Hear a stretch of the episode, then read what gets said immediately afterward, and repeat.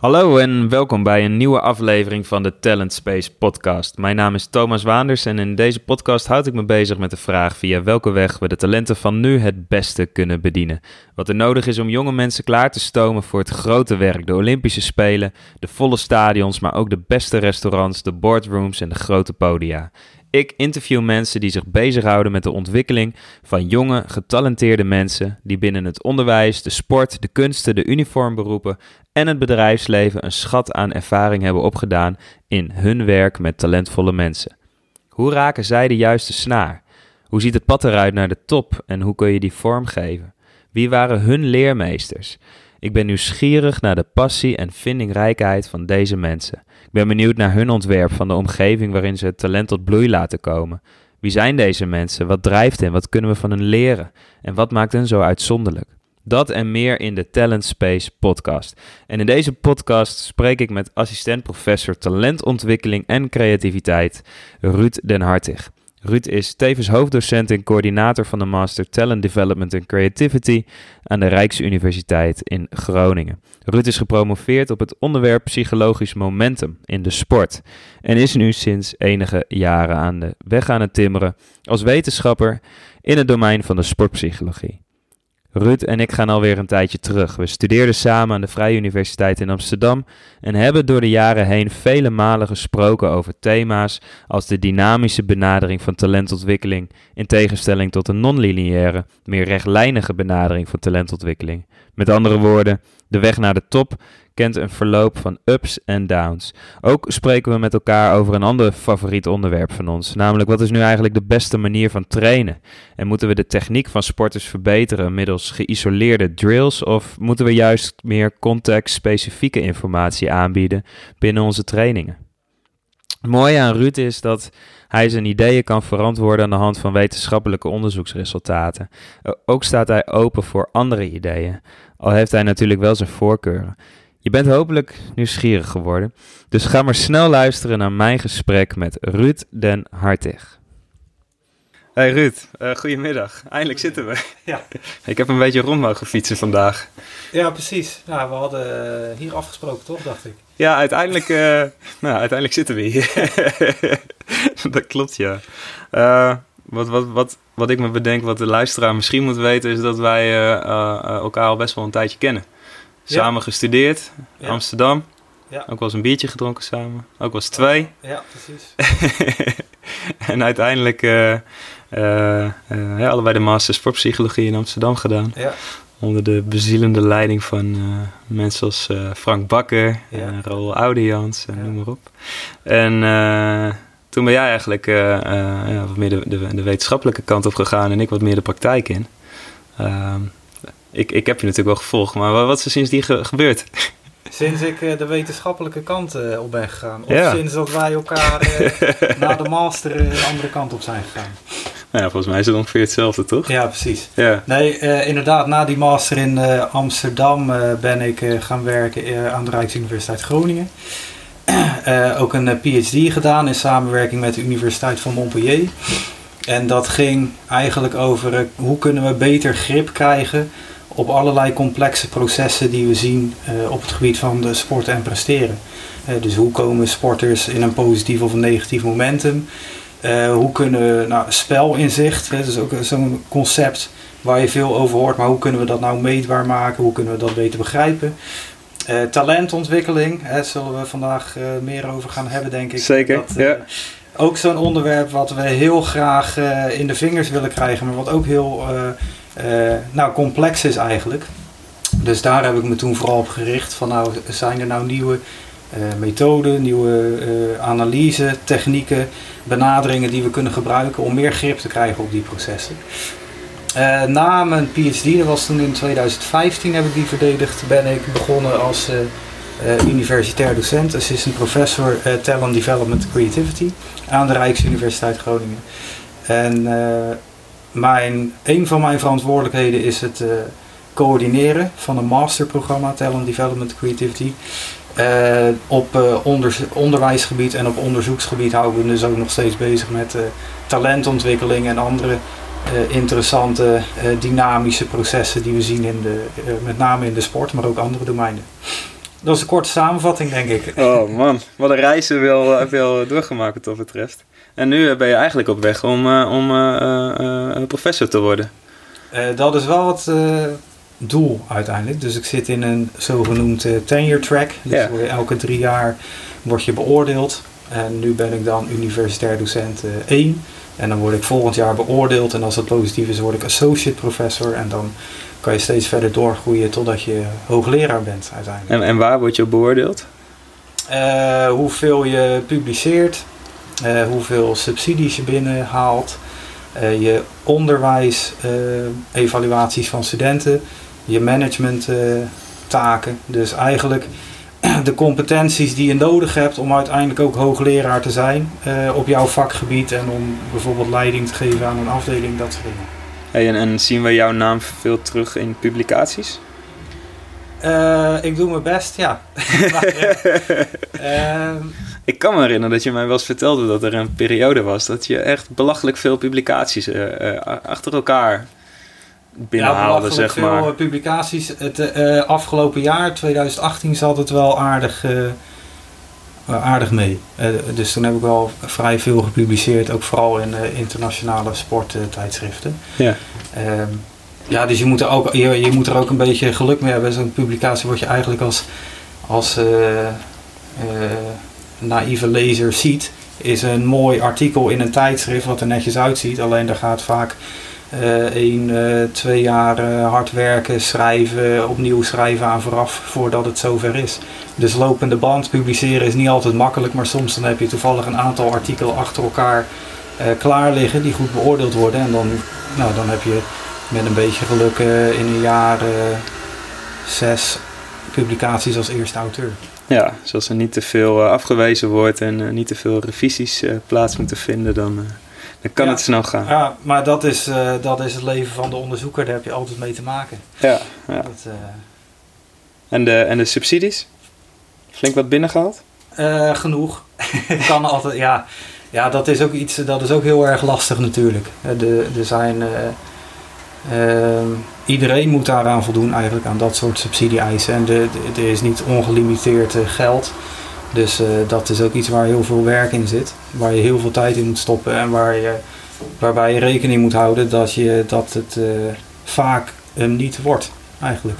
Maar toevallig vorige week wel een subsidie van het ministerie van Defensie binnengekregen om uh, onderzoek te doen naar hoe kunnen we de commando's, hè, de operators, hoe kunnen we die beter gaan selecteren. En kunnen we ook meer grip krijgen op hun veerkracht. Hè, wanneer breken zij mentaal of fysiek, kunnen we dat zien aankomen en kunnen we daar ook op gaan sturen. Dus dat is een hele mooie ja, mooie subsidie denk ik. En ook een heel mooi project waar ik veel zin in heb. Wat ook heel relevant kan zijn voor de sport natuurlijk. Waar selectie en veerkracht ook hele belangrijke thema's zijn. Ja, want, want, daar moeten we het onder andere even over hebben volgens mij. Je noemt veerkracht en ik denk meteen... Uh, we hebben het al eens gehad over weerbaarheid, mentale weerbaarheid, resiliency, ja. veerkracht, mentale kracht, mental toughness. Ja dan een beetje het rijtje gehad van wat er allemaal aan termen voorbij ja. komt. Ja, er zijn inderdaad heel veel termen die genoemd worden en in de literatuur ook wel door elkaar gebruikt. Dat klopt wel, ja. En, en wat vind je daarvan, van die termen? Ehm, nou, in het algemeen ben ik er niet zo'n voorstander van als het bij het kleinst mogelijke verschilletje tussen twee concepten dat er gelijk weer iets heel nieuws geïntroduceerd wordt. Een heel nieuw concept en een hele nieuwe vragenlijst en dat soort dingen. Ehm, voor mij is eigenlijk, als we het hebben over veerkracht bijvoorbeeld, dat is eigenlijk zoals de term al zegt, het terugveren naar uh, je, je normale niveau bijvoorbeeld. Hè. Dus je hebt een, een, een tegenslag, mentaal, maar kan ook fysiek zijn, een kleine blessure bijvoorbeeld of vermoeidheid. En uh, in hoeverre en hoe snel ben jij in staat om weer terug te keren naar je vorige niveau. dus dat proces van terugveren, dat zie ik als veerkracht. En volgens mij is het dan het meest interessant en belangrijk om dat ook zo concreet te gaan meten. Als je sporters over de tijd volgt, hun prestatie, en je ziet dat ze te maken krijgen met stressoren, mentaal, fysiek. Uh, hoe snel zijn ze dan weer in staat om terug te komen op hun vorig niveau van functioneren? Um, en voor mijn gevoel, wat ik eigenlijk ook vaak doe in mijn onderzoek, is dicht bij de prestatie van de sporter proberen te blijven. Dus ik richt me liever en ook meer op het gedrag van de sporter over de tijd, door de sporter te volgen, dan dat ik hem met allerlei vragenlijsten doodgooi die gaan over toughness, grit, resilience en al, al dat soort uh, verwante. Ja, maar ik vraag me af, wat, maakt, of waarom, waarom zijn er eigenlijk allemaal van die verschillende begrippen? Heeft dat, heeft dat ook te maken met wetenschappers die weer iets nieuws in de wereld willen zetten of daar bepaalde, bepaalde faam mee willen bereiken? Of? Deels wel. In het algemeen is het natuurlijk wel zo dat je als wetenschapper ook een bepaalde stempel wil uh, drukken. En uh, als jij het voor elkaar krijgt dat jij een bepaald hè, model ontwikkelt of een bepaald concept ontwikkelt. Um, en dat ook valideert en gaat testen en laat zien dat jouw concept samenhangt met prestatie. Dat is voor een wetenschapper best wel interessant. Zeker als andere mensen dat gaan gebruiken. Maar het gevaar kan zijn dan inderdaad dat er een wildgroei aan concepten ja, een beetje meer, meer van hetzelfde wordt, zeg maar. Ja, en in het algemeen is het natuurlijk met concepten op zich is niks mis. Uh, je, het, het, uh, het, geeft, het is ook een soort van uh, vorm van communicatie. Dat je weet waar je het over hebt met elkaar. Hè? Dat als we het hebben over veerkracht, dat we dan een beetje een idee hebben wat we daarmee mee bedoelen. En dat we met elkaar erover kunnen hebben hoe kunnen we dat verbeteren bij onze sporters. Ja. Maar zou je ook kunnen zeggen, er zit gewoon een goede kop op? Uh, als we allebei dan weten wat we daarmee bedoelen. ja. Alleen dat is wel een lastige. Ja. Dat is wel lastig wat je daarmee uh, bedoelt. En zeker als wetenschapper wil je dat je het in ieder geval uh, meetbaar kan maken op de een of andere manier. Ja. Um, hey, hoe maak jij het meetbaar? Want jij zegt met die vragenlijsten, ja, dat is allemaal leuk en aardig. Maar om daar iemand mee dood te gooien, dat nou, weet ik niet. Ja. Nou ja, het, het, vragenlijst, kijk, ik wil ze niet, niet helemaal negatief over vragenlijsten uitlaten. Het is natuurlijk ook, uh, het kan ook wel um, een, uh, een goede functie hebben. Hè? Dat als je gewoon van tevoren, als jij als sportpsycholoog met een uh, sporter werkt, dat je een beeld wil krijgen van hoe diegene in elkaar zit. Of,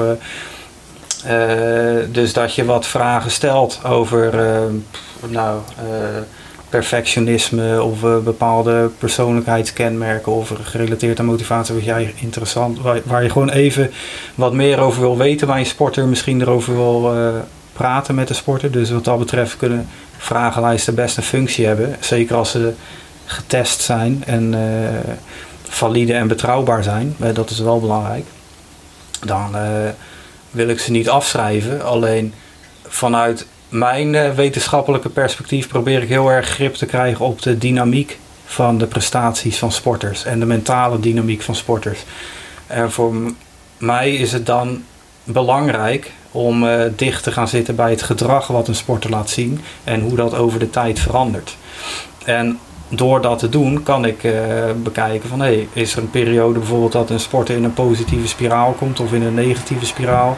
Uh, of dat hij echt moeite krijgt met terugveren. En dat is allemaal relevante informatie voor mij die ik kan halen door die sporter over de tijd te gaan meten.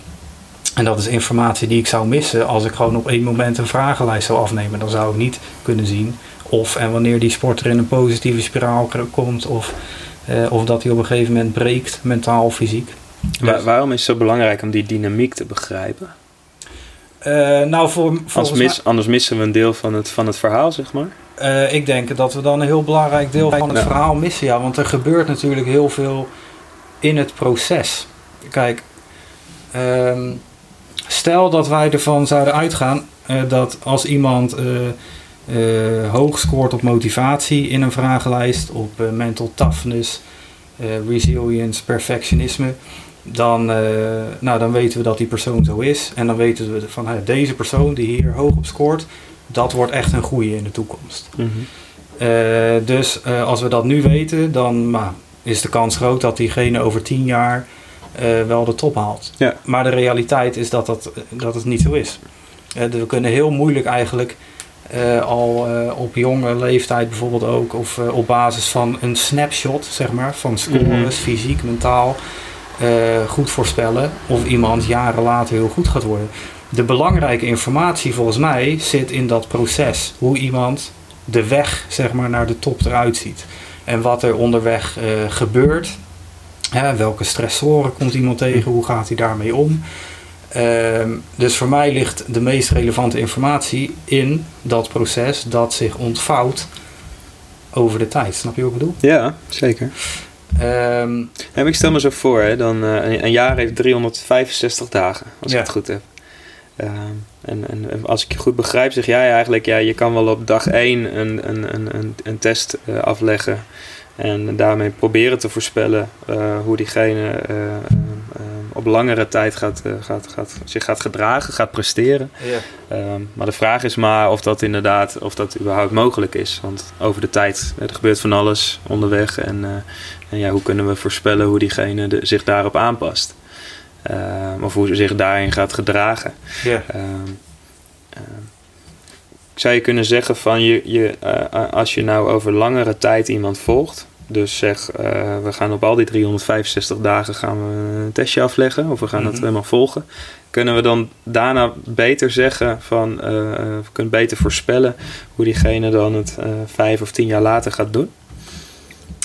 Ja, dat is een goede vraag. Dat is nog Oftewel, als je de snap, snapshot langer maakt, wordt, wordt het dan beter? Nou ja, kijk, stel, uh, dat uh, hangt er ook een beetje van af. Stel, je gaat er vanuit, uh, de meer de klassieke meettheorie eigenlijk, als je veel metingen hebt van, dus als ik jouw motivatie deze week vijf keer meet, dan heb ik een beter beeld van jouw motivatie dan als ik het alleen vandaag meet en daarna niet meer. want als ik het, dan ga ik ervan uit, nou, ik meet het vijf keer. De, daar komt ongeveer jouw gemiddelde motivatie uit. De ene dag is misschien net iets meer dan de andere dag. Maar het gemiddelde daarvan geeft wel een goed beeld van jouw motivatie. Ja, dit is de klassieke meettheorie. Ja, precies. Dat, Nou, dat zou je natuurlijk ook over meer uh, tijdpunten kunnen doen. Alleen het, uh, uh, de voornaamste reden waarom ik eigenlijk meerdere punten over de tijd zou nemen, uh, is dat uh, de relevante informatie juist zit in hoe je verandert over de tijd. Hè? Dus niet wat jouw gemiddelde is over een bepaalde tijd, maar hoe jij verandert uh, over de tijd. En het lastige is dat dat voor elke sporter eigenlijk een beetje anders is. dus daarom zei ik, dat is daarom is dus ook een moeilijke vraag. Als jij 365 dagen achter elkaar meet, kun je dan over tien jaar uh, of over een paar jaar later weten hoe goed iemand, beter weten hoe goed iemand is. Dat is nog steeds best wel lastig, want dat uh, stuk daartussen, daar kan ook uh, van alles in veranderen. Ja, ja je kan natuurlijk niet zeggen van als de verandering over tijd heel, heel klein is, wil dat natuurlijk niet zeggen dat die verandering heel klein blijft over tijd. Uh, nee, want we weten wel vanuit de literatuur dat uh, er is ook een grote studie geweest in, uh, in Australië in allerlei verschillende sporten. En daarin vonden ze dat een rechte weg naar de top, dat is de uitzondering. Hè. Dat is in 7% van de topsporters, die leggen gewoon een soort van rechte weg af. Hè. Waren goed toen ze jong waren, trekken die lijn door en die worden professional. Mm -hmm. Iedereen die heeft allerlei verschillende trajecten.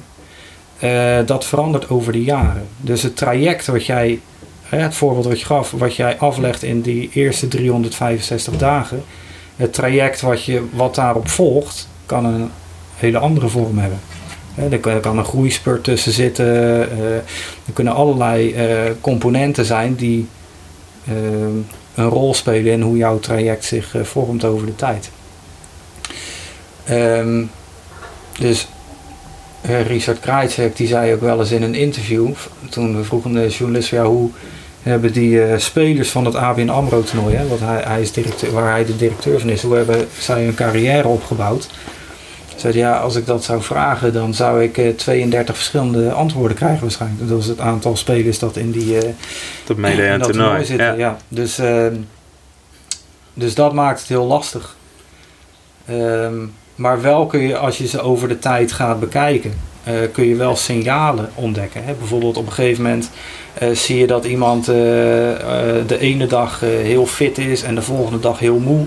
En dat het allemaal, dat er wat variatie komt hè, in hoe iemand zich voelt en hoe iemand zich gedraagt. Dat zou ook kunnen een, een soort van risicoperiode kunnen signaleren. Hey, hij is niet constant, hij voelt zich niet constant fit op dit moment. Misschien even wat rustiger aan met die training. Mm -hmm. Want voor we het weten, overbelasten we hem en is die geblesseerd. Om maar als voorbeeld te geven.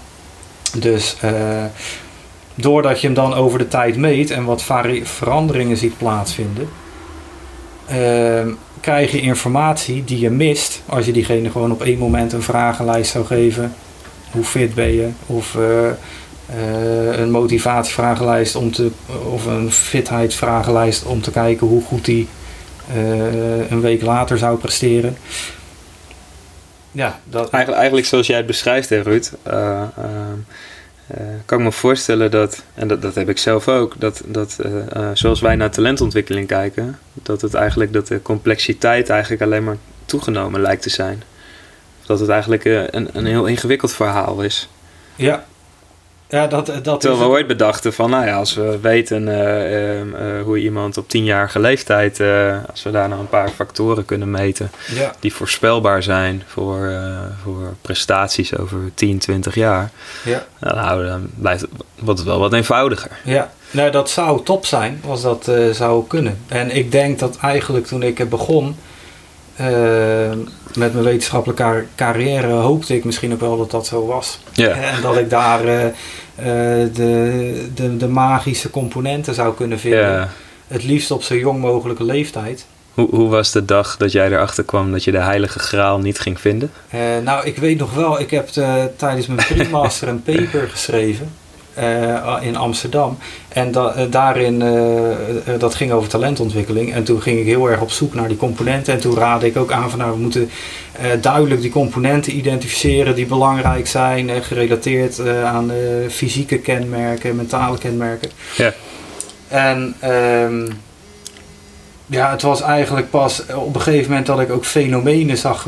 Want als je kijkt naar de literatuur en naar de werkelijkheid uh, dan al zie je dat het, uh, dat het niet kan. Dat het niet klopt. Dat heel veel componenten gewoon, uh, nou fysiek alleen al, het voorbeeld van de groeispurt. Nou, dat is dus een niet-lineaire verandering. Ja.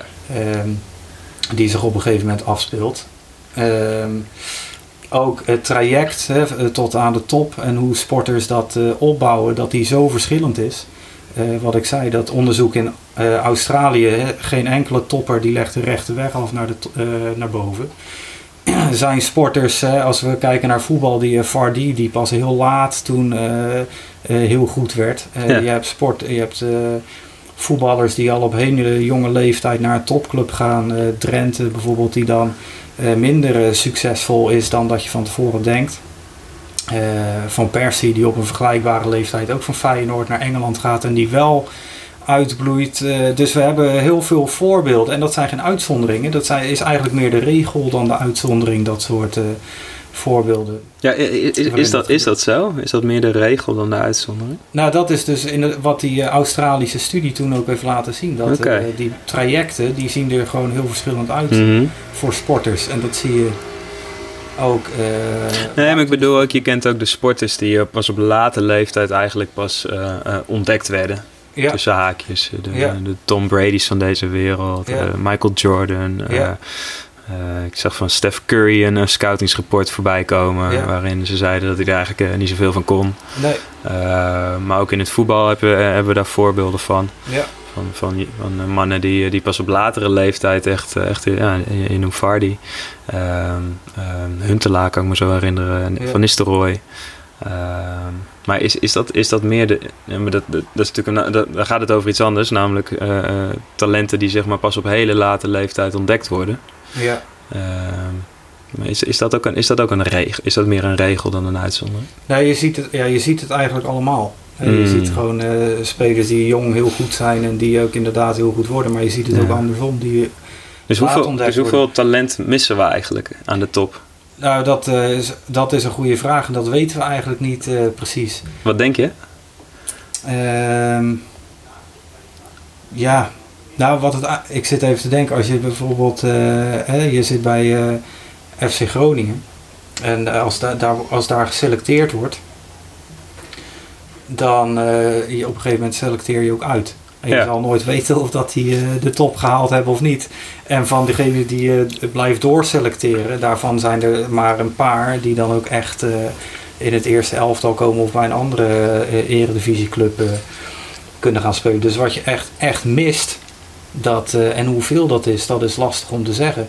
Alleen wat je wel kan zeggen, hè, we geven net een aantal voorbeelden dat sporters zich op verschillende manieren kunnen ontwikkelen. Ze kunnen heel vroeg heel goed zijn en de top halen, vroeg heel goed zijn, de top niet halen, uh, laat ontdekt worden.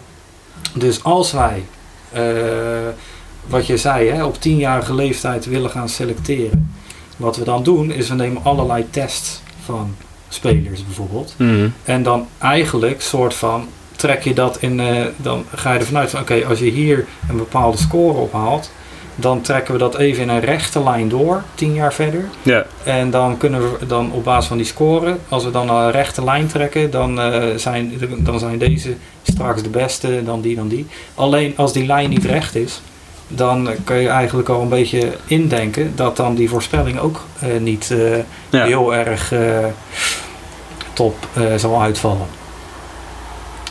Snap je wat ik bedoel? Ja, ja. Uh, hetzelfde geldt het daarmee samenhangt. Maar Als je later selecteert, hè, dan, wordt, dan wordt je voorspelling wel beter. Het is zo verrekte gaat... lastig, man. Ja, nou, dus zo... je kan uh, vraagtekens hebben, bij moet je dan wel vroeg gaan selecteren. Als het, uh, en misschien, wat ik als laatst zei, ja. later kun je wel beter voorspellingen gaan doen. Mhm. Mm -hmm. Want dan zit je wat dichter bij het niveau wat je straks moet gaan halen om een profsporter te worden. Uh, dus zegt dat al een stuk meer. Mm -hmm. uh, is dat al een stuk meer voorspellend. Hè? Als jij op uh, tienjarige leeftijd een groep kinderen laat sprinten, mm -hmm. dan kun je een stuk minder goed voorspellen of dat zij uh, tien jaar later de snelheid kunnen halen voor een. Olymp om de Olympische Spelen ja. te halen dan als je ze op 17-jarige leeftijd met elkaar. En volgens, mij, volgens mij zegt NOC-NSF zegt uh, uh, acht jaar. We hebben ongeveer acht jaar nodig om uh, uiteindelijk iemand klaar te stormen voor de, of stomen voor de, voor de top. als het gaat over het stimuleren en ontwikkelen van talent. Ja, ja. Is dat dan voldoende? Is acht jaar voldoende in principe? Um, is het eigenlijk überhaupt ergens op gebaseerd? Los van hun ervaringen, maar... Dat ligt er ook aan waar je het over welke sport je het hebt en over welke. De NOC en NSF zeggen eigenlijk van elke sport uh, bekijken we, oké, okay, dit is ongeveer een, een podiumleeftijd, dus de, de ja. leeftijd waarop zij uh, uh, de top halen, ja. gemiddeld. En dan rekenen we acht jaar terug en daar beginnen we dan met de opleiding. Ja. Um, vind ik ook een lastige. Er zit natuurlijk heel veel variatie in leeftijd hè, bij turnen ben je een stuk jonger aan je top. Hè, dus dan zou je misschien al. Uh, ja, dus dan, dus, dan begin, dus dan begin je ook al veel vroeger. Ja, precies. Ja, ja. ja dan moet je haast zes jaar zijn. Ja. ja, sommige sporten zijn veel complexer. In Ja. roeien kun je uh, uh, misschien in, in minder jaar ehm, met de juiste bouw bijvoorbeeld wel al in minder jaren de top halen. En je hebt dan inderdaad de ontwikkeling van het uh, fysieke, maar ook het sociaal, emotionele, mentale, uh, waar, wat weer een ander component is. Dus ik vind het heel lastig om er één lijn te, te kijken of dat er één lijn is die je daar mm -hmm. in zou kunnen trekken. Alleen dat, dat je acht jaar nodig hebt in het algemeen, dat geloof ik wel, ja. Ja. Maar ja, voor sommigen geldt dus dat het misschien vier jaar of zes jaar is en een ander heeft misschien wel tien jaar nodig of twaalf jaar. Dat zou heel goed kunnen, ja. Als je gaat kijken naar uh, de tijd die uh, sporters nodig hebben gehad. Mm -hmm. Daar is, ik weet niet hoeveel, daar onderzoek naar, hoeveel onderzoek daarnaar gedaan is, maar wel bij uh, ijshockey en darten volgens mij zijn daar studies naar gedaan. En daar vonden ze wel dat de trainingsperiode, hè, de gewoon echt de intensieve trainingsperiode voorafgaand aan het moment dat zij op wereldniveau speelden, of darts of uh, ijshockey, dat daar uh, enorme variatie zat tussen spelers onderling. Dus je ziet wel binnen de sporten en over sporten heen dat daar wel nog steeds veel variatie is. Ja, en volgens mij komt dat ook uit de onderzoeken die, die hebben plaatsgevonden nadat Ericsson ooit riep dat het ongeveer 10.000 uur kostte om, ja. om de top te bereiken. Ja. Er zijn er volgens mij heel veel studies geweest die dat ook weer weerlegd hebben. Ja. Waaronder Ericsson zelf volgens mij, die ook zelf heeft gezegd, nou ja, dat, uh, dat heb ik nooit zo hard geroepen. Nee, hij durfde niet vol te houden dat hij heeft gezegd dat dat echt een regel is. Hij durfde niet vol te houden. nee, maar hij, hij, ja. uh, hij heeft het wel wat ge, gesuggereerd hè, dat, dat, uh, dat dat zo is. Ja. Met zijn wetenschappelijke Ja, maar ik hoorde hem laatst zeggen, want eh, hij zat ergens in, in een podcast, dat hij, ehm, dat hij vooral vond dat Malcolm Gladwell, die het allemaal opgeschreven heeft, Ja, eh, dat die dat vooral gesuggereerd had en, eh, en hij toch echt niet. nee. nee, nou, die, heeft, in het, ja, die heeft daar een populair boek over geschreven. Maar dat is wel interessant. Voor mijn gevoel wordt het nog steeds wel vaak in de sport aangehaald. Dat idee van 10.000 uur. En eh, ook eh, door eh, allerlei eh, in de sportwereld ook nog steeds wel eh, aangenomen. Als iets wat eh, zo is. Maar wat je al terecht zegt. Dat eh, is niet zo. er zit heel veel variatie tussen sporten, tussen individuen. Ehm, en er is ook nu eh, eh, discussie over, moet je nou echt, hè, wat Eriksson zei, gewoon echt keihard trainen. Hè? Wat hij voorstelt is dat je eh, heel veel moet trainen en ook al is het niet leuk, eh, je moet doen wat nodig is. Ja. Dus als jij... eh, Het idee van deliberate practice, ja, zeg precies. maar. Ja? Deliberate practice noemt hij dat. En deliberate practice is iets anders dan gewoon trainen. Deliberate practice is dus, nou, niet altijd leuk, eh, maar wel nodig. Dus je bent klaar met je tennistraining en je pakt een ton met ballen en je gaat ergens achteraf in je eentje op een baantje nog eens even 200 ballen serveren om je service te verbeteren. Nou, daar is op zich niks aan. Alleen eh, dat is een vorm van deliberate practice. Ja. En er is nu wat kritiek, hè? zeker met de jongere kinderen. Van ja, eh, moet je dat eigenlijk al vanaf vroege leeftijd gaan doen? En moet je ze niet wat meer laten spelen en wat meer veelzijdige oefeningen laten doen om eh, de, de fun en, eh, erin te houden en om te voorkomen dat ze overbelast raken. Ja. Dus er is eh, veel eh, Het model, het model Noorwegen, zeg maar. ja, dat, De kranten staan er vol mee nu. ja, ja, dat, Want Noorwegen doet niet aan vroege specialisatie en laat de kinderen vooral lekker spelen. Ja, nou dat is inderdaad ook een opvatting, maar het is, tegelijk is nog eh, ook een discussie die aan de gang is. Dus het is niet zo dat al iemand heeft laten zien, eh, heel wetenschappelijk stevig heeft laten zien, het een is sowieso beter dan het ander. En het zal er in de praktijk waarschijnlijk ook wel op neerkomen dat het een vorm van, of een of andere combinatie is. Dat je Mhm. bijvoorbeeld eerst begint met eh, veel spelvormen en eh, op latere leeftijd wel meer hè, die deliberate practice misschien moet introduceren. En dat dat per sport ook verschillend is. Op turnen, dat noemen we even. Ja, dan moet je gewoon, eh, als je 15 bent, gewoon eh, topniveau zijn. Dus dan kan je niet te lang blijven spelen. Maar volgens mij Roger Federer, die, die was nog aan het voetballen en aan het skiën toen hij 15 was. Naast zijn tennis. Tennis is natuurlijk wel zijn voornaamste sport. Dus ja, daar zit, daar zit ook verschil in. Ja, ja precies. Hey, eh, we, raken zo aan een aantal thema's hè, die, die, die volgens mij altijd... Dat zijn blijven vraagstukken binnen talentontwikkeling, denk ik. Hoeveel moet je trainen? Wanneer Ja. moet je beginnen? Hoe herken je talent? Ja. Ehm, hoe ziet het de weg naar de top eruit? Zijn, zijn, er, nog, zijn er nog gebieden, onderzoeksgebieden waar, waar, ehm, waar we ons nog te weinig mee bezighouden? Of waar, waar, we juist, waar we ons juist veel meer mee bezig zouden moeten houden dan, dan misschien wel deze vraagstukken die, die ook relevant zijn, denk ik. Maar Eh, op het gebied van talentontwikkeling? Ja. Of, eh, eh, nou, wat, ik, wat denk ik wel belangrijk is. ehm, we hadden het al even bijvoorbeeld over die deliberate practice.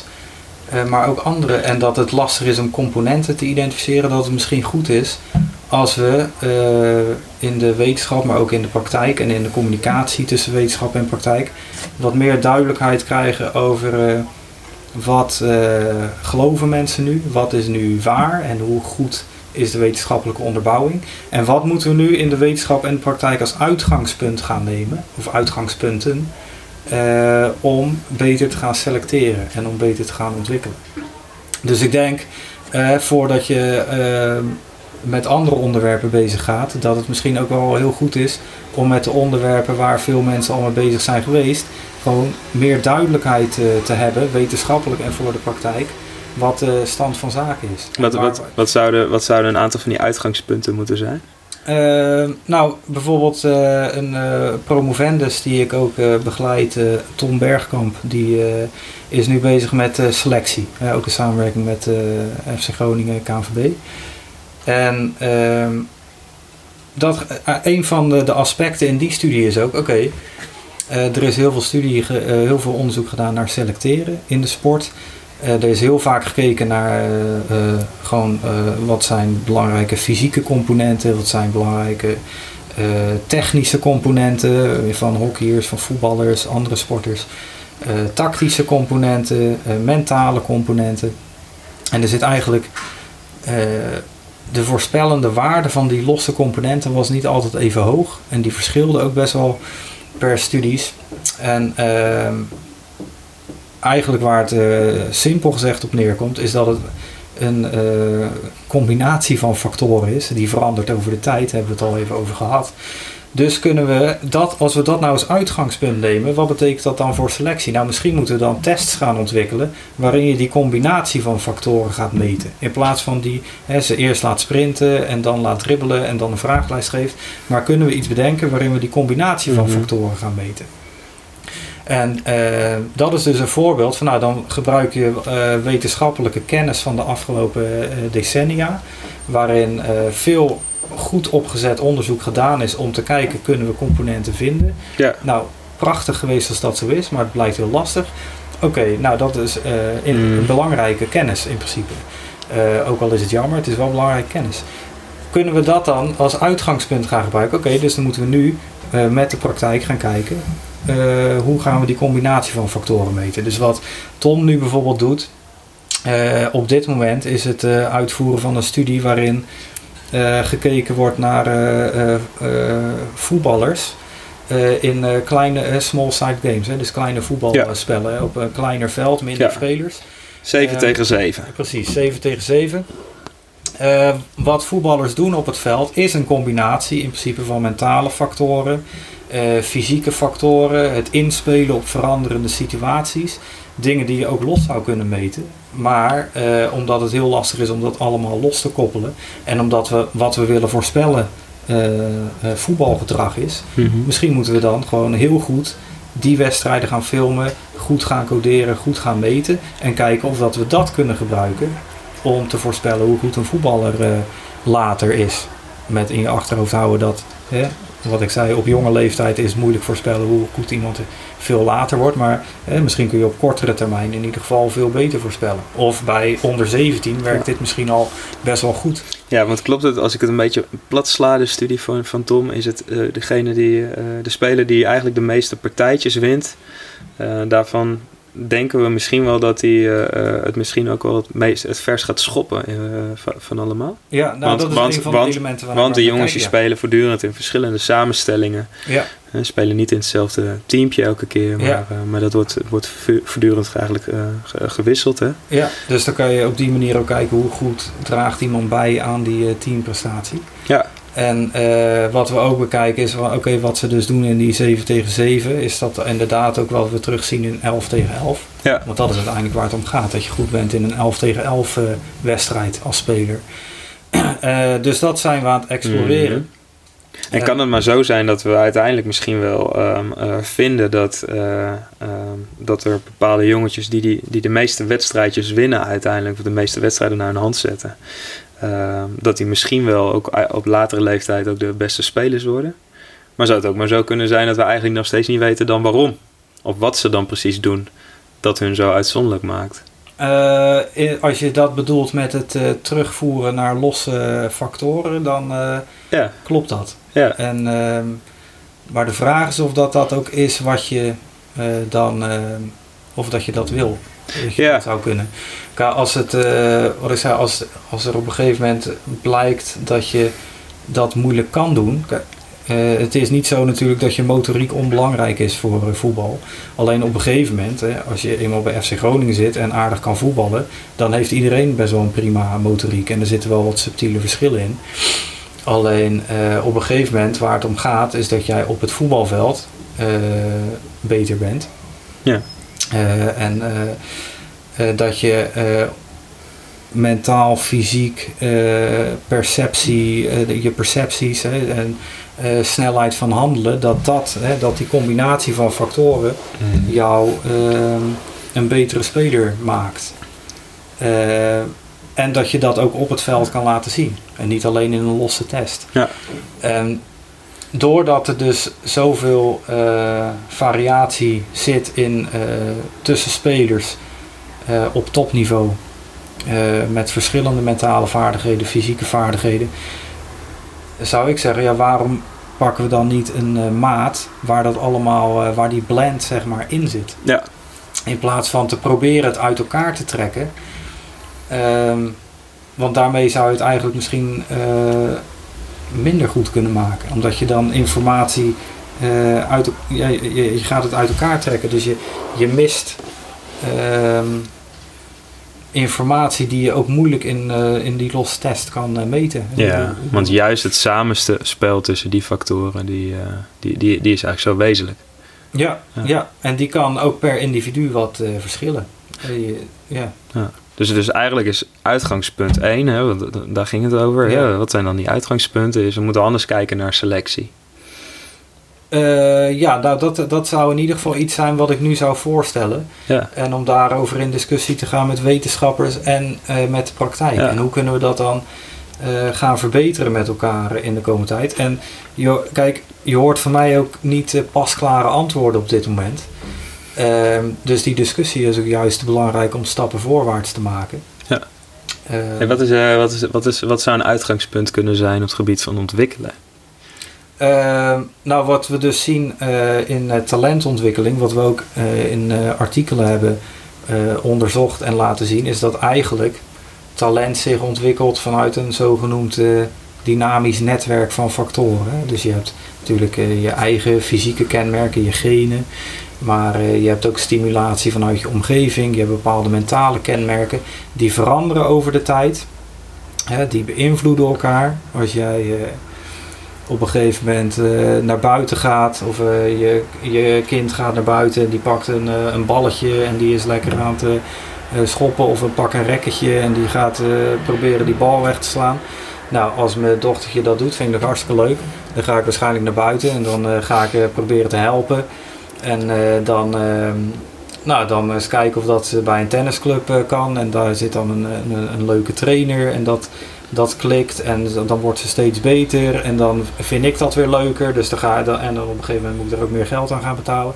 Nou, er zitten allemaal uh, elementen die elkaar kunnen versterken, maar die ook elkaar kunnen verzwakken. En dat mm -hmm. uh, dynamische uh, samenspel tussen fysieke, mentale, sociale factoren, genen. Van daaruit ontwikkelt talent zich eigenlijk over de tijd. Um, dat betekent dus ook dat we misschien moeten oppassen met het te hard stimuleren van één bepaald component. Mm -hmm. uh, we noemden eerder die deliberate practice. Dat is een, een wijd verspreid idee. Ja. Heel veel training is belangrijk. Ja. Dan ontwikkel je jezelf. Maar dat is dus gevaarlijk. Dat je uh, dus te veel gaat richten op één component. Oké, okay, die Mhm. training. En, en maar stimuleren, en maar stimuleren, en maar stimuleren. Maar in de praktijk, uh, of ook in de, eigenlijk de theorie ook, weten we dat het uh, talent zich op allerlei manieren kan vormen. Vanuit een, samenspel tussen nou, training, maar ook uh, sociale, mentale factoren, dat soort dingen. Dus eigenlijk waar het om gaat, is dat je ook daar sensitief voor bent. Als trainer, als coach, als ouder. Dat je goed kan kijken naar wat een kind nodig heeft en daarbij aansluit om eigenlijk die uh, een soort van positieve dynamiek te creëren van waaruit sportprestaties zich optimaal kunnen ontwikkelen.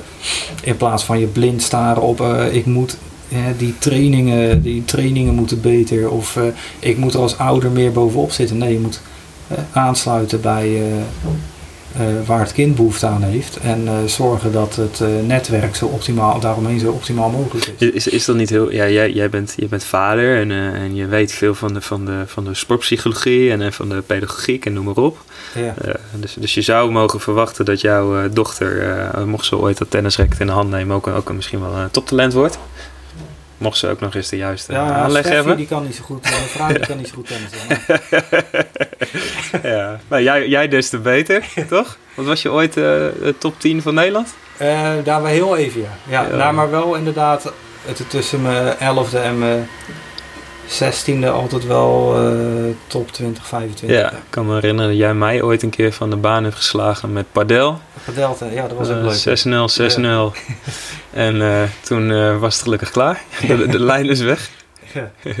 maar maar ja, ja, ja, je zou me ook verwachten, ja, jij, jij zult er ongetwijfeld veel van weten. Van hoe je, hoe, hoe je zeg maar, je dochter bedient in, in wat zij nodig heeft op dat moment bedenk me ook meteen dat dat niet per se altijd maar de steun hoeft te zijn die ze misschien wel juist graag zou willen.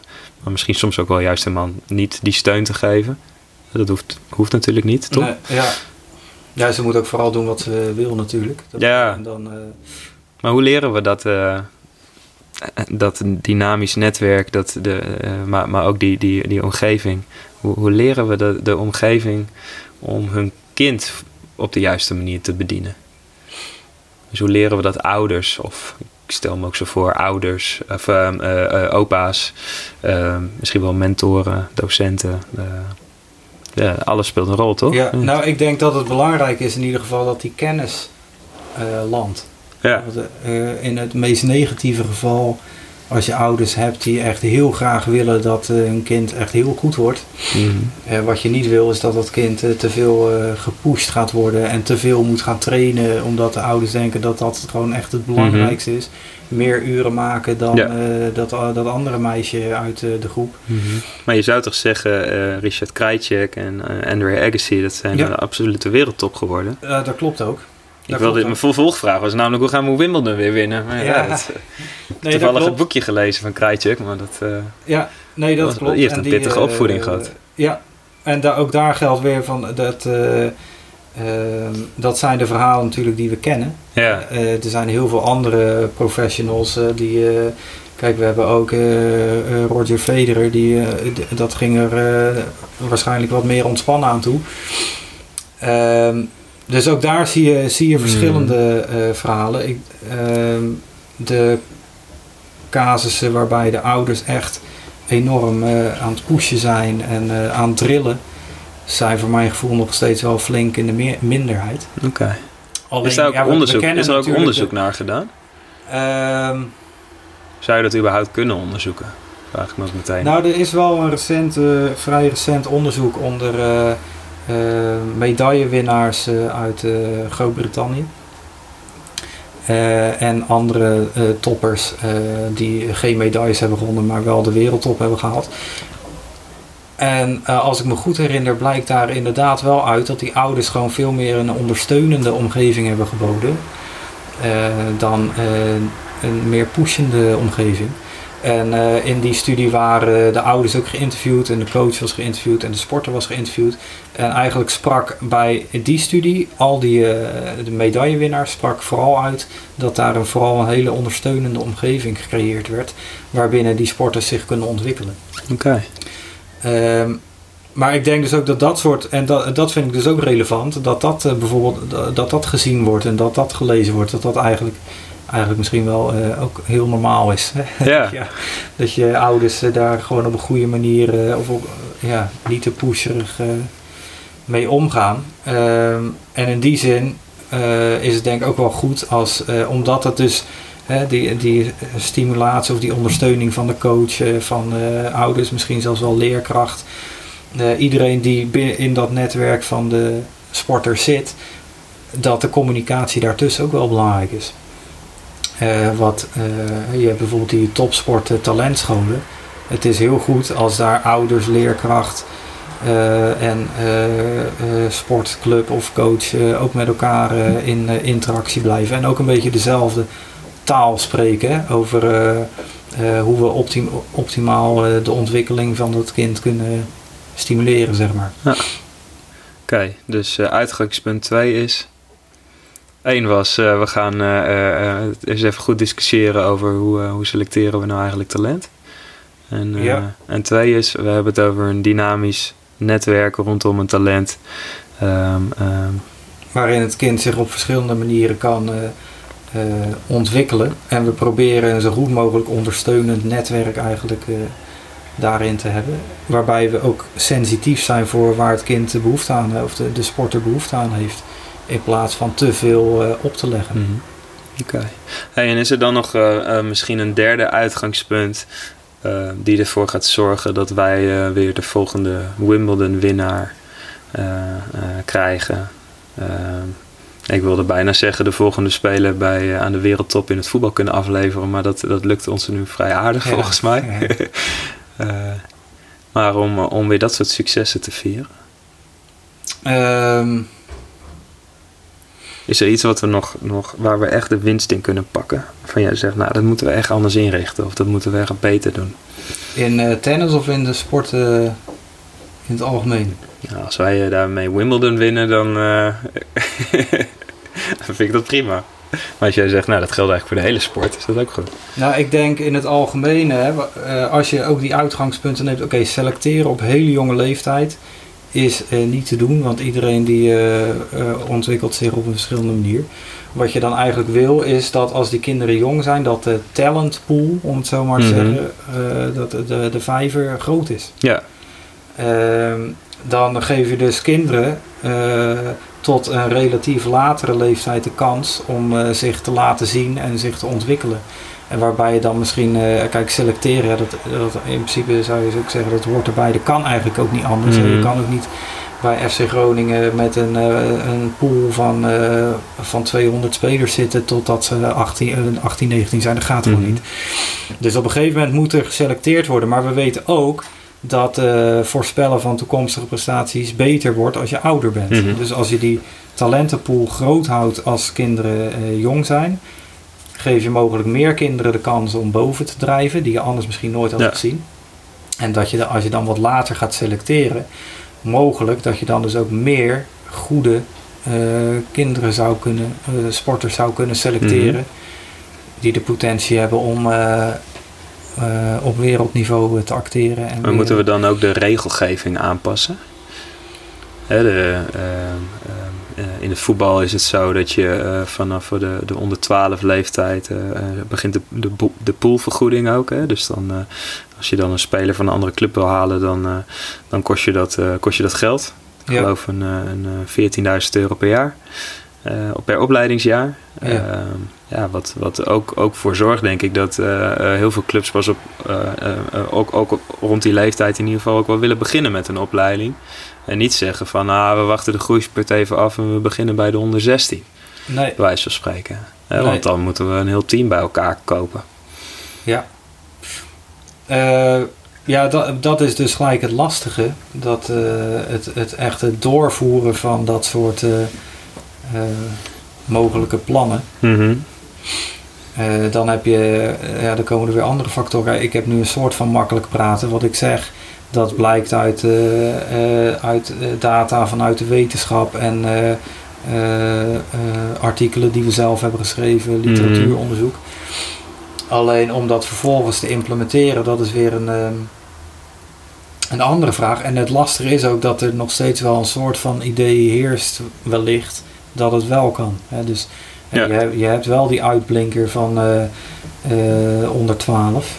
Eh, waarvan je, ja, die er gewoon bovenuit steekt als je naar kijkt. Van, ja, die, die wil je dan gewoon hebben. Ja. Want als jij het niet doet, dan pakt die andere club hem. Ja. Eh, dus eh, wat je eigenlijk wil zeggen, als je iets wil veranderen, dan moet er misschien drastisch iets veranderen. Dan moet het gewoon op landelijk niveau of misschien nog wel breder Ja. niveau gedaan worden. Mhm. Ehm, want anders dan zijn er misschien, als er een paar clubs het een goed idee vinden, nou dan zijn er misschien een paar clubs die Mhm. het doen. En vervolgens die andere clubs halen wel die jongen. eh, Wo- wo- Wordt dat gesprek al gevoerd? Komt de KNVB hier al eh, in Groningen langs op de universiteit om, eh, om zich te laten inlichten op dat vlak?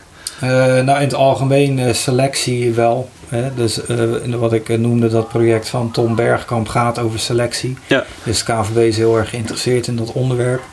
Ook eh, de leeftijd waarop je moet gaan selecteren is een redelijk hot eh, topic. Mhm. Ehm, dus er wordt wel eh, gekeken en geluisterd, denk ik. Maar ehm, ik vind het lastig om te zeggen of, of en in hoeverre daar eh, iets eh, aan gedaan gaat worden of kan worden. Ehm, ja, dat vind ik lastig om te zeggen. Maar ik denk wel dat het goed is om die eh, discussie in ieder geval te voeren. Ja, ja, ja, dat sowieso. Hey, een, een heel ander thema, hè? dan gooi ik het even over een hele andere boeg. Ja. Eh, maar waar wij ook veel over gesproken hebben, is hoe, hoe individuen leren. Eh, met name eh, binnen, binnen een sportcontext of binnen een, een, een, domein waarin in ieder geval ook, ook bewogen wordt. Hè? Dat kan ook dans zijn of muziek. Ja. Maar waarbij in ieder geval bijvoorbeeld spelinzicht of spelbegrippen eh, er ook wel degelijk toe doet. Hoe, hoe, hoe kijk jij naar bijvoorbeeld het geïsoleerd trainen? Eh, bijvoorbeeld in voetbal of in het tennis. eh, ten opzichte van, van meer ja, trainen onder, onder weerstand? Ehm, Nou, ik denk dat het ermee te maken heeft vooral hè, wat geïsoleerd trainen. Ehm, als ik het zeg maar, als ik het wetenschappelijk zou framen, zou ik zeggen, als je zeg maar de informatie weghaalt die sporters nodig hebben, dat is niet handig. Met nou, informatie bedoel je? nou, bijvoorbeeld als voetballer loop je op het veld lopen andere spelers om je heen. Uh, je ziet op een gegeven moment afspeelmogelijkheden door een, een, gat tussen twee verdedigers en een aanvaller die positie kiest bijvoorbeeld. Uh, dat zijn mogelijkheden die jij ziet op het veld en op basis van de informatie van die bewegende spelers op het veld. Dus als jij voetbalvaardigheden optimaal wil stimuleren, zou ik zeggen: oké, probeer zoveel mogelijk vormen eh, te vinden waarbij je dat soort informatie intact houdt. Eh, in plaats van het inderdaad te isoleren en mhm. eh, alleen maar paasnauwkeurigheid in, in, in een situatie waarin geen medespelers en geen beweging plaatsvindt. Kijk, je moet natuurlijk wel een bepaalde basisniveau hebben om een goede bal te kunnen pasen. Maar om te leren inspelen op wat relevant is op het veld. Hè, wanneer kan ik pasen, naar wie, uh, hoe moet ik lopen? Uh, mm-hmm. Zou ik dat soort situaties ook zoveel mogelijk creëren? En hetzelfde is een beetje als we tennis als voorbeeld hebben. Daar heb je ook, en cricket bijvoorbeeld, daar heb je van die ballenmachines. Ja. Ehm, op zich prima wel om je techniek mee te kunnen trainen. Je krijgt, je krijgt heel veel ballen, die komen op een bepaalde plek. Alleen wat je mist is de beweging van je tegenstander. En mm-hmm. daar haalt haal je heel veel belangrijke informatie uit. dat is wat je gebruikt om te anticiperen. Ehm, als een ballenmachine een bal met 200 km per uur op je afvuurt, dan ben je te laat. Uh, omdat je eigenlijk pas uh, kan gaan reageren als jij die bal op je af ziet komen. Maar als een tegenstander 200 km per uur serveert en je bent een goede speler, dan uh, kan je daar al op anticiperen. Aan de hand van de beweging van de heup, van de arm, van het racket. Precies. Ja. Kan je daar al op voorstellen. En dat is cruciale informatie die jij uh, gebruikt als tennisser. Mm -hmm. Dus uh, ook daarin zou ik dus zeggen: oké, als je dus optimaal wil stimuleren, probeer dan ook die informatie mee te nemen. Dus af en toe een ballenmachine is best wel oké okay om je techniek wat te leren. Maar wat je echt doet als tennisser en wat je echt meeneemt en waar, wat je gebruikt om optimaal je slag voor te bereiden, dat heeft daar min, niet zoveel mee te maken. Dat heeft ook vooral te maken met de bewegingen die je tegenstander maakt mhm. en om je daarop uh, aan te passen. Uh, dus als jij bedoelt met uh, geïsoleerd trainen, het weghalen van uh, cruciale informatie die, die sporters nodig hebben, dan Ehm, zou ik zeggen, uh, probeer zoveel mogelijk vormen te bedenken waarin je mm -hmm. dat niet weglaat, waarin je dat wel intact houdt. Als je bedoelt met isoleren het vergemakkelijken van de situatie, dat kan wel. Hè. Je kan, we noemden het al even, kleinere potjes spelen. Nou, dan uh, hou je, dat is anders dan 11 tegen 11. Je maakt het veld kleiner, je mhm. haalt spelers eruit. Dus uh, in die zin misschien een wat, ja, ik weet niet of dat je het geïsoleerd zou noemen, maar in ieder geval versimpeld. Ja. Uh, versimpelde training. En versimpelde trainingen kunnen wel weer goed zijn. Uh, hè, want eh, in uh, kleine spelletjes heb je ook dat je moet, nog steeds moet mm-hmm. inspelen op veranderingen in bewegingen van spelers. Hè, misschien gaat de snelheid wat omhoog. Hè, dus je, je, het is een soort van vorm om extra te trainen dat je snel handelt. Wat ook belangrijk is op een groter veld. Wat ook belangrijk is voor de toekomst. Hè, als het spel sneller gaat. Mm-hmm. Dan als je, als kan je, het wel goed zijn. Ja, precies. Zou, zou, je, zou je daar... Um, wat je zegt ook van, uh, van um, gewoon het geïsoleerd trainen en daarmee bijvoorbeeld uh, een betere paas of een betere backhand of een betere voorhand of nou ja, welke sport je ook pakt, die kan je daar wel degelijk mee verbeteren. Um, is, is, er een, is er een bepaalde verhouding die, die we daarin zouden moeten aanhouden? Uh, 20% geïsoleerd, 80% uh, in, binnen, binnen die context waar je, waar je het over hebt. Dus wel met die informatie die, die ertoe doet. Uh, en, en, en, en, moet dat nog veranderen door de tijd? Dus, dus zou, dat, zou dat voor een een achtjarige anders zijn dan voor een twintigjarige? Uh, dat zou kunnen, en, maar dan begeef ik me meer een beetje op mijn eigen ideeën, wel geïnformeerd door de wetenschap natuurlijk. Ja. Ehm, wat, wat je in het algemeen wil, is dat iemand wel een bepaalde technische en tactische basis heeft. Mhm. Het heeft niet zoveel zin om allerlei vormen te introduceren met bewegende spelers en uh, hardslaande tegenstanders als je nog niet eens normaal de techniek beheerst. Dus ja, je zou best goed op jongere leeftijd het dan al even wat geïsoleerd kunnen trainen. En als je het onder de knie hebt, het dan wat gaan uitbreiden. Maar uiteindelijk, een van de meest kenmerkende expertises van een topsporter is juist dat zo goed kunnen inspelen op die veranderende omgeving. Dus dat, daarvan is wel heel duidelijk van dat is ja, anticiperen, beslissingen nemen. Dat is gewoon wat mhm. spelers op topniveau heel goed kunnen. En dan zou ik dus ook uh, vooral op latere leeftijd voldoende situaties creëren om dat uh, in te trainen. Ja. En nog als, als het gaat dus om het versimpelen bijvoorbeeld in, als voorbeeld in tennis ehm, je kan ook met dat soort vormen, met het versimpelen, kun je bepaalde tactieken gaan uitlokken. Mm dus uh, ik zelf speel bijvoorbeeld uh, bijna nooit eh, een korte bal, een dropshot bij mijn tegenstander. Nou, dat kan op zich best wel slim zijn om dat wat vaker te doen.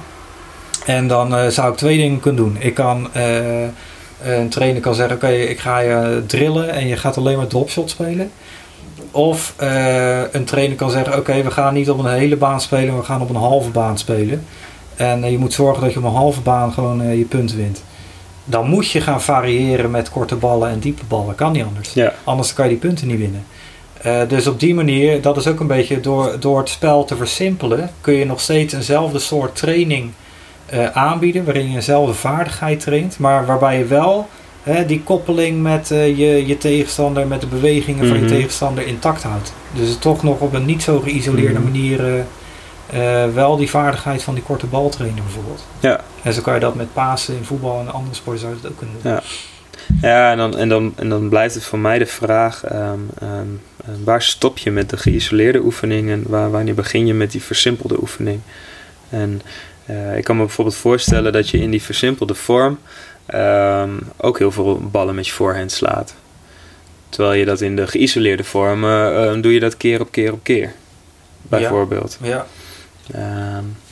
is het nodig, vraag ik me dan af, om, om het ook geïsoleerd te trainen? Of, of is die versimpelde vorm uh, dan eigenlijk ook goed genoeg?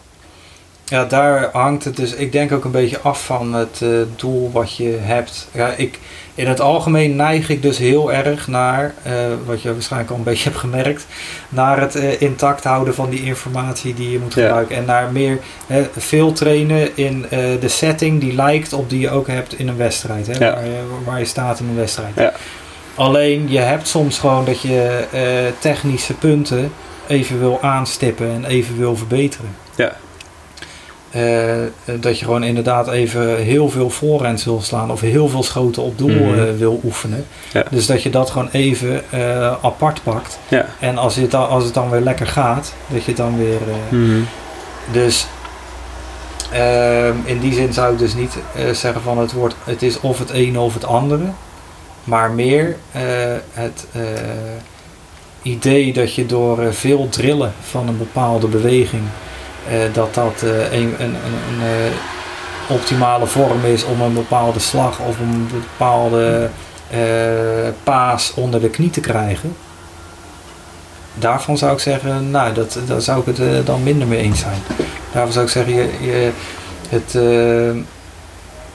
trillen, hè, daar, dat, dat, dat maak je niet zo flexibel als wanneer jij wel Hè, bijvoorbeeld op een, op een halve baan gaat spelen met je tegenstander. Waarbij je dus leert eh, om die uh, korte bal ook te spelen in die rally.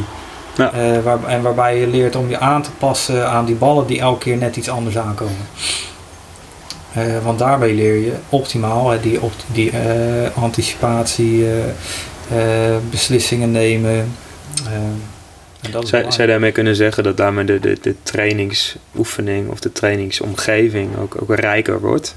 In, in, in wat je, wat je een, een, een sporter aanbiedt.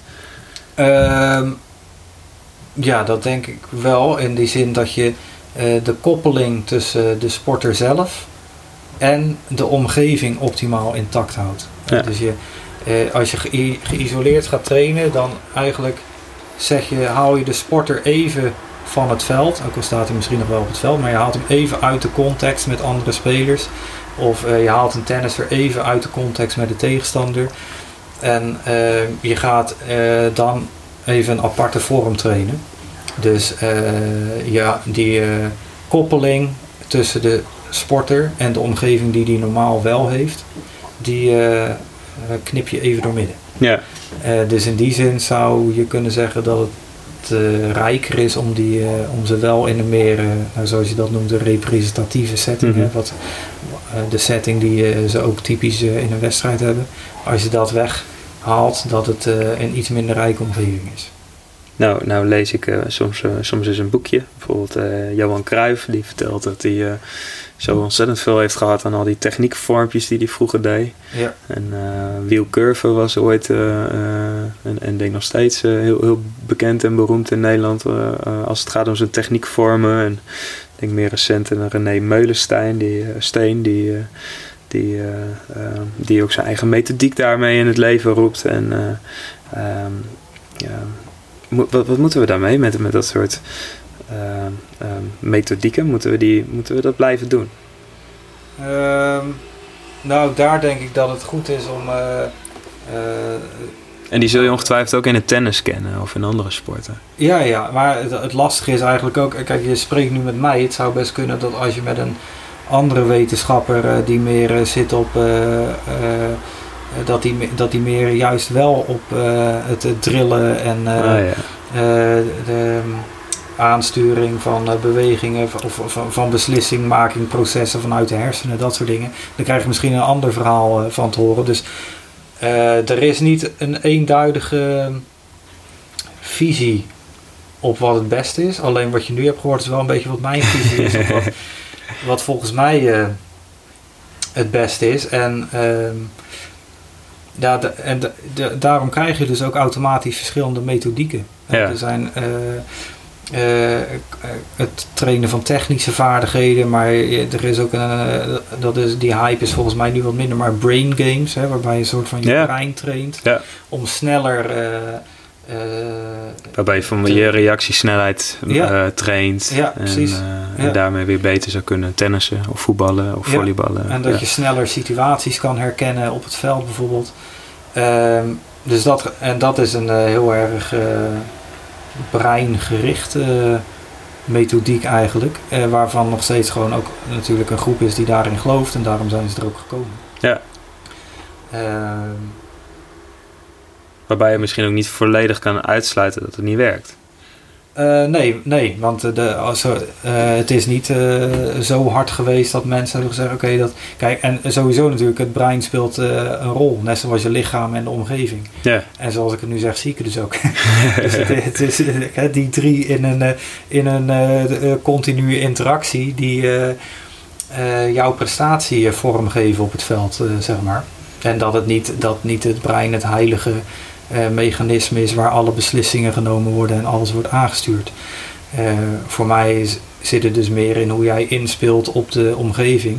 Waarbij het juist heel relevant is, wat ik net ook al- al een paar voorbeelden gaf, dat je eh, die informatie van de omgeving er ook inhoudt. Maar als jij gelooft, ja, maar volgens mij zit er gewoon een, een eh, processor in je hoofd. En die zorgt gewoon voor dat jij snel die beslissingen kan nemen, dat je snel het overzicht hebt. Nou, dan moet je die processor gaan trainen. Dus dan geef je brain games en dan maak je die processor sneller. En dan ga je ervan uit van als ik nu die speler op het veld zet, dan gaat hij sneller die situaties herkennen. Dat is een eh, hypothese van de andere. eh, en, misschien heeft eh Frenkie de Jong wel heel veel brain games gedaan. Wie, wie Ja. zal het zeggen? Ja, ja, wie weet.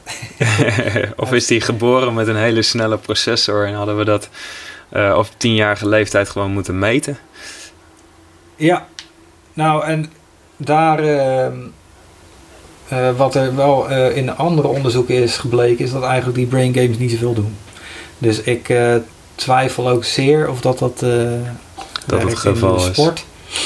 Maar ehm, ik heb daar zelf niet een zware test nog um, aan gewijd. Wat een, wat een, wat een, ja, ik noemde dat al eerder, maar wat een mega complex vakgebied is het eigenlijk. Ja, nee, dat is het ook. En je hebt dus inderdaad. je raakt er ook niet over, je raakt er ook niet over uitgepraat. Uh, nee, maar het is wel belangrijk om erover te blijven praten. Hè, met, uh, uh, het is ook niet zo voor me. Kijk, ik heb wel een bepaalde visie van hoe het volgens mij werkt. Ja. En hoe prestaties tot stand komen en hoe je het beste vanuit wetenschappelijk oogpunt zou kunnen trainen, zou kunnen selecteren. Uh, maar er zijn dus wetenschappers met een andere visie. En uh, ik sta op zich wel gewoon open voor uh, als blijkt dat iets anders klopt yeah. of beter is, dan, nou, dan is dat prima. Hè? Dan, maar, en ik denk dat, dat dat wel belangrijk is, dat je, die, dat je met elkaar blijft onderzoeken hoe het nu eigenlijk zit. Ja. hoe, hoe komt, komen topprestaties tot stand? Uh, als we daar wat meer van weten, hoe kunnen we dan het best selecteren? Hoe kunnen we dan het beste uh, stimuleren? Uh, hoe kunnen we het beste trainen, waar we het net over hebben? En daarvoor is, die, is het wel belangrijk om open te staan, denk ik, voor verschillende ideeën uit de wetenschap en om in discussie te blijven. Mm -hmm. En om ook in discussie te blijven met de praktijk. Hè? Soms coaches ja. en spelers zelf, die kunnen ook hele relevante informatie hebben in dat opzicht. Dus die koppeling die uh, blijft wel relevant om stappen voorwaarts te maken. Ja, we weten nee. het nog niet allemaal. Ja, je noemt nu wetenschap en je noemt de sport. Hè, maar, maar, er zijn natuurlijk ook nog hele andere domeinen waarin talentontwikkeling ook, ook een hele voorname rol speelt. Ja. het bedrijfsleven, kan ik me zo voorstellen. Ja. waarbij ja, je neemt ooit een werknemer aan en die werknemer die, die neem je aan om een reden. Ja. Want die moet een bepaalde prestatie gaan leveren of die moet iets gaan doen voor jouw Ja. bedrijf. En de vraag is of, die, eh, of hij of zij dat kan natuurlijk. Ja. Dus er speelt selectie denk ik een rol. Ja. Eh, maar vervolgens speelt talentontwikkeling denk ik ook steeds meer een rol in, eh, in het bedrijfsleven. ja. Kl- Klopt dat ook? Zoekt het bedrijfsleven jou ook op om... om nou, ehm, ik denk in, dat ook daar de communicatie best wel interessant en relevant is. ja, ja, het grappige is ook dat, eh, wat ik al even noem, dat project van Tom Bergkamp. Daar zitten een hoogleraar eh, psychometrie en statistiek, eh, Rob Meijer en andere collega's, Suzanne Nies ook bij psychometrie en statistiek. Die hebben zich eigenlijk meer bezig gehouden met selectie in onderwijs en, en in bedrijfsleven. ja, Ehm, en het grappige is dat we eigenlijk best wel veel parallellen zien met sport. En daarom is die samenwerking ook tot stand gekomen. ja, Dus ook eh, hè, wat eh, eh, bijvoorbeeld Suzanne Niesen vond in het onderwijs, is van nou, je kan allerlei tests aan studenten geven. Maar als we ze eerst gewoon een soort van in het klein een vak laten volgen en dan dat toetsen, dan kunnen we beter voorspellen hoe goed zij het gaan doen in de studie dan als we al die losse tests gaan afnemen bij die studenten. En dat is wel grappig, want dat, dan zie je gelijk al een beetje die link met eh, moeten we nou die sporters een fysieke test en een mentale test en een fysiologische test en een tactische test. Of Mhm. moeten we ze misschien gewoon even laten voetballen op het veld en daar de prestatie proberen te kwantificeren. Want misschien werkt dat wel beter. En eigenlijk is dat dus heel erg aan elkaar Mhm. gelinkt. Dus sport en andere domeinen, zoals bedrijfsleven, die kunnen elkaar ook wel inspireren eh, in die zin. En ook ehm, in eh, een eh, artikel wat we eerder hebben geschreven over talentontwikkeling, eh, zagen we ook dat we dezelfde soortige fenomenen, zoals dat talent zich ontwikkelt vanuit een dynamisch netwerk, dus allerlei componenten, dat dat ook geldt voor bedrijfsleven, voor muziek, voor creativiteit, uitvindingen, dat soort dingen. ehm, eh, dat eigenlijk eenzelfde soort mechanisme wel daaraan ten grondslag ligt. oké. Ja, want je, we hebben het natuurlijk over de, eh, je noemde straks de Master Talent Development, Ja, maar het is Talent Development en Creativity. ja. Eh, ben, ben je daar nog veel over te weten gekomen, over, over het stuk van creativiteit? Ehm, Wat ik me zo voor kan stellen is dat de vraag is, eh, wat maakt dat iemand op enig moment creatief wordt? Of wat, wat betekent dat dan eigenlijk? Maar, maar hoe stimuleer je dat vooral? Ja. Dat is in de sport ook een hele grote, belangrijke, of een vraag die eigenlijk pas recentelijker eh, eh, onderzocht is en waar we nog eigenlijk niet echt eh, per se een heel goed antwoord op hebben. wat ik wel denk waar het mee te maken heeft. Hè, kijk, in principe is creativiteit heeft ook te maken met dat je iets nieuws doet of iets nieuws uitvindt of iets nieuws ontwikkelt wat, wat bruikbaar is. Hè. Dus op het voetbalveld bijvoorbeeld of op het hockeyveld. Of dat je een actie uitvoert die, die nuttig is en waarmee je op een originele manier je tegenstander uitspeelt. Mm Dat zou dan een creatieve ja. actie zijn. Wat ik denk ehm, is dat je, om dat te kunnen zijn, dat je ook uh, flexibel moet zijn. Hè? Dus je moet uh, flexibel moet kunnen zijn in je acties. Mhm. En dan kom ik weer een beetje terug op wat ik eerder zei. Dat soort, die flexibiliteit, die kan je dus ook vooral trainen in meer representatieve situaties. Mm Waarin je het veld wat groter maakt, het veld wat kleiner maakt, wat meer spelers, wat minder spelers. Waarin je dus eigenlijk sporters dwingt om in verschillende situaties uh, oplossingen te kunnen vinden. Um, zonder het, zonder het voor te zeggen. Ja, precies. Dus dat ze zelf dat leren te exploreren. Ja. Uh, wanneer kan ik welke actie uitvoeren? En hoe red ik me hier nu weer uit? Nou, je moet je eruit redden. Hoe doe ik dat? Um, uh, door dat uh, zeg maar een soort van inderdaad te laten ontstaan uh, en do, door verschillende vormen te oefenen, in wat voor sport dan ook, dat je dat wel wat meer dat je dat kan stimuleren. En dat ligt wel heel dicht tegen creativiteit aan ook.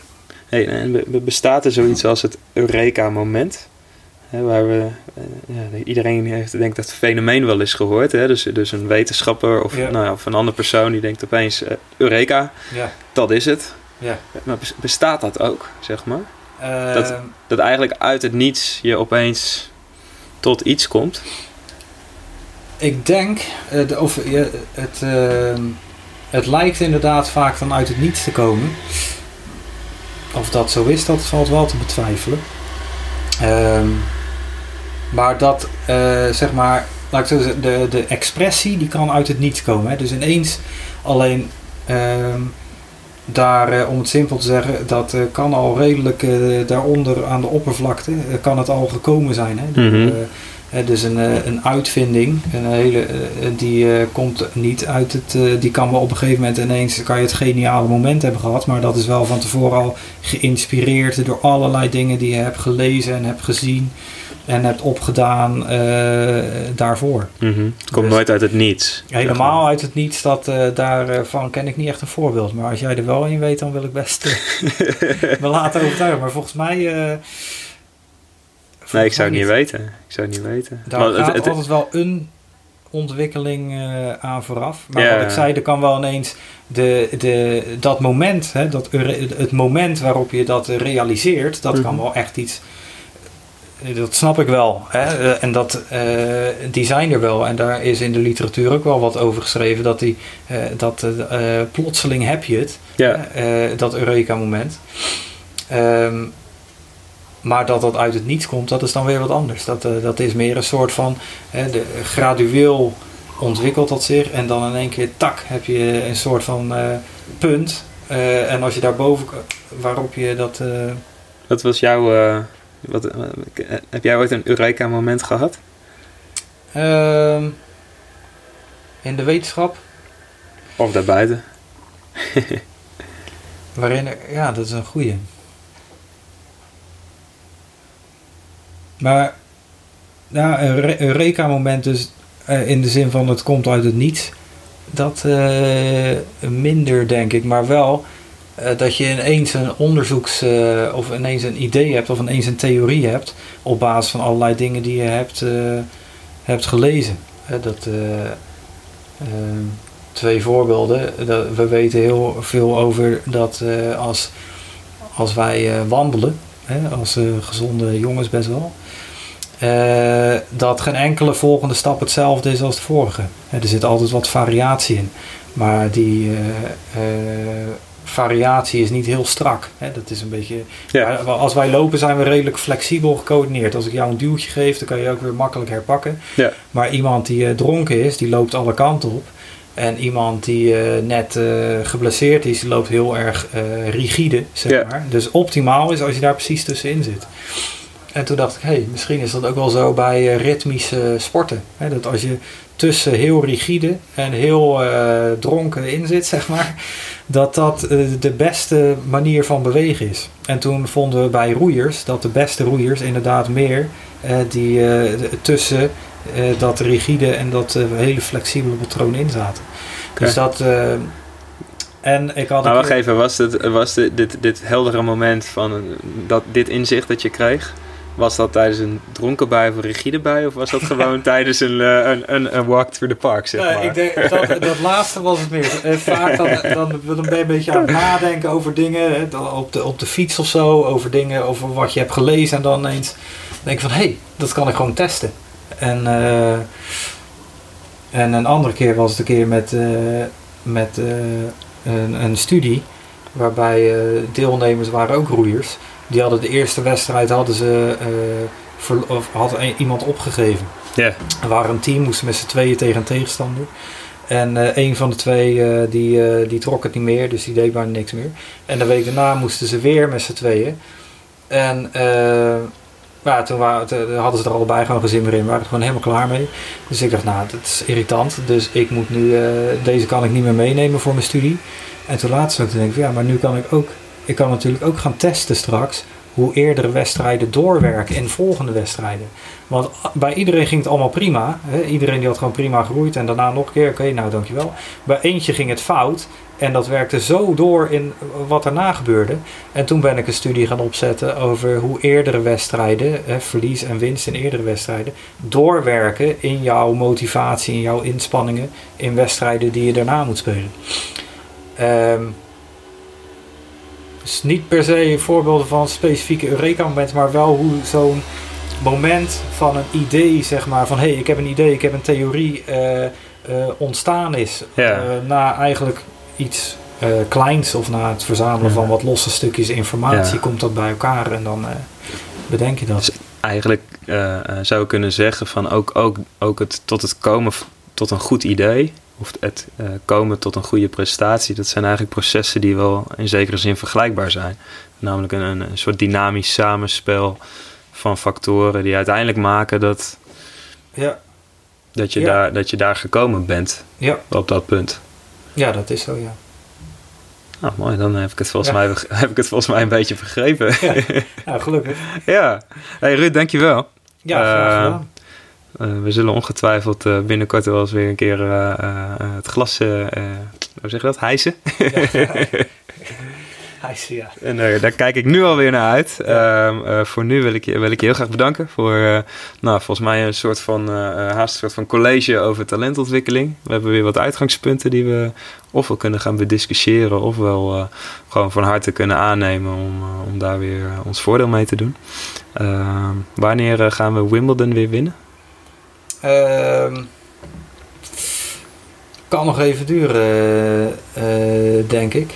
Tenzij er een uitschieter is van een van onze spelers. Maar we, nou, we hebben Kiki Bertens natuurlijk. Je weet het niet. Die, eh, die zou het kunnen. Die zou het kunnen misschien. Nou, laten we het hopen. Hey, dankjewel en tot snel weer.